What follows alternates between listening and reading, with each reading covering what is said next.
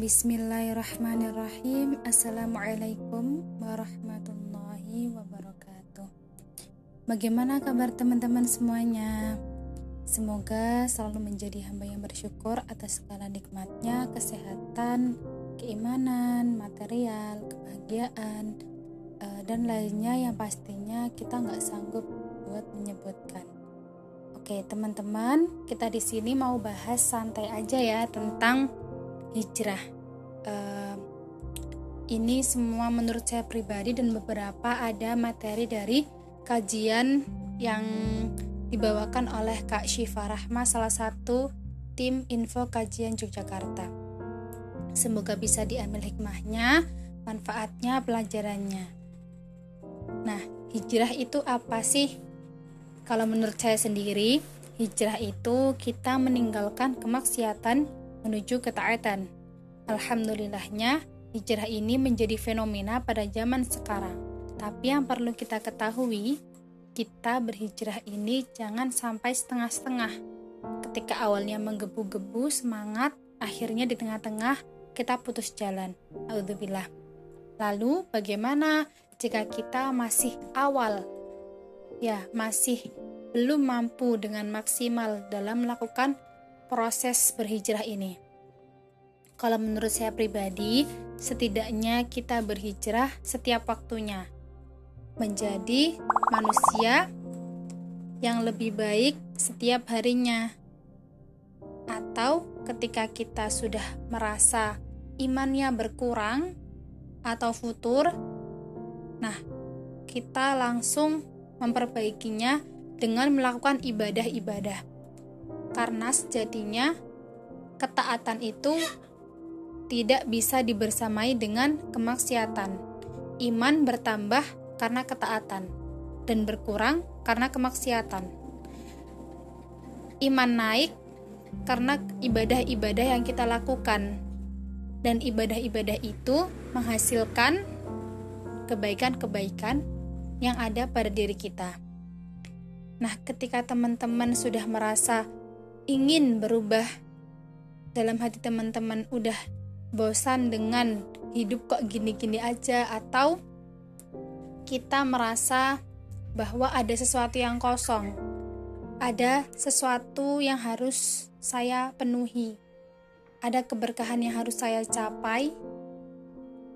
Atau beberapa hal hal yang mungkin Berbeda ya masing-masing orang rasanya hati itu seperti apa. Bagaimana? Nah, solusinya segera tata niat berubah menjadi lebih baik sedikit demi sedikit karena Allah taala. Ya, jangan diniatkan karena urusan dunia. Mungkin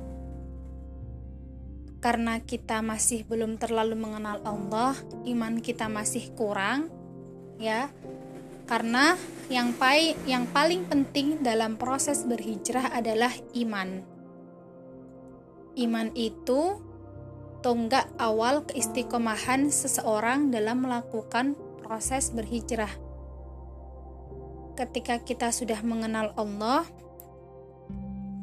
ketika kita sudah yakin dalam hati tanpa ada keraguan sedikit pun bahwa Allah Subhanahu wa taala Maha mengetahui apa yang akan sedang telah kita lakukan di bumi ini dan kita yakin bahwa Allah akan membalas semua perbuatan kita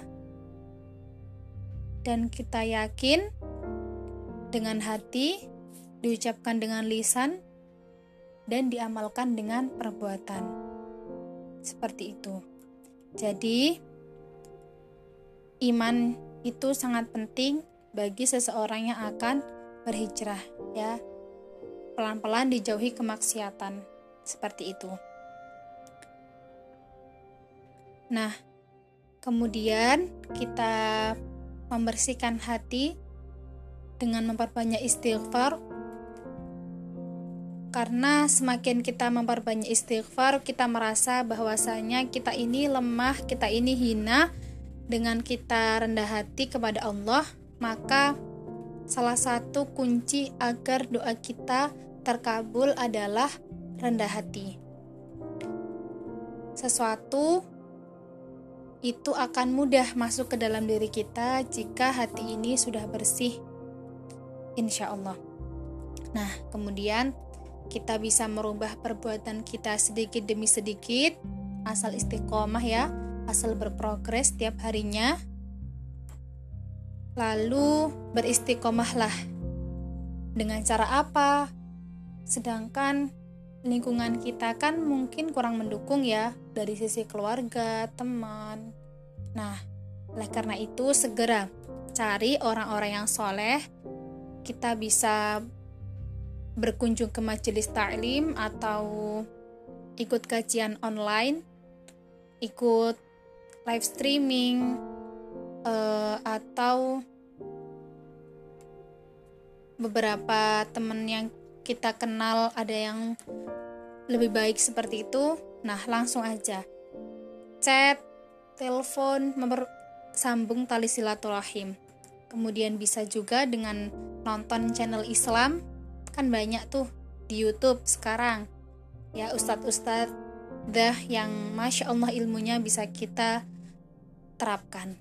Lalu kita melakukan hal tersebut terus menerus ya dengan istiqomah dengan sabar nah karena kita juga perlu ilmu orang yang baru hijrah masih tersisa dalam pikirannya tentang masa lalu maka bersihkanlah dengan mencari ilmu lah ini juga yang membuat saya akhirnya tersadar bahwa ilmu itu sangat penting karena dengan kita mengupgrade ilmu itu yang nantinya akan bisa kita amalkan, bisa kita terapkan.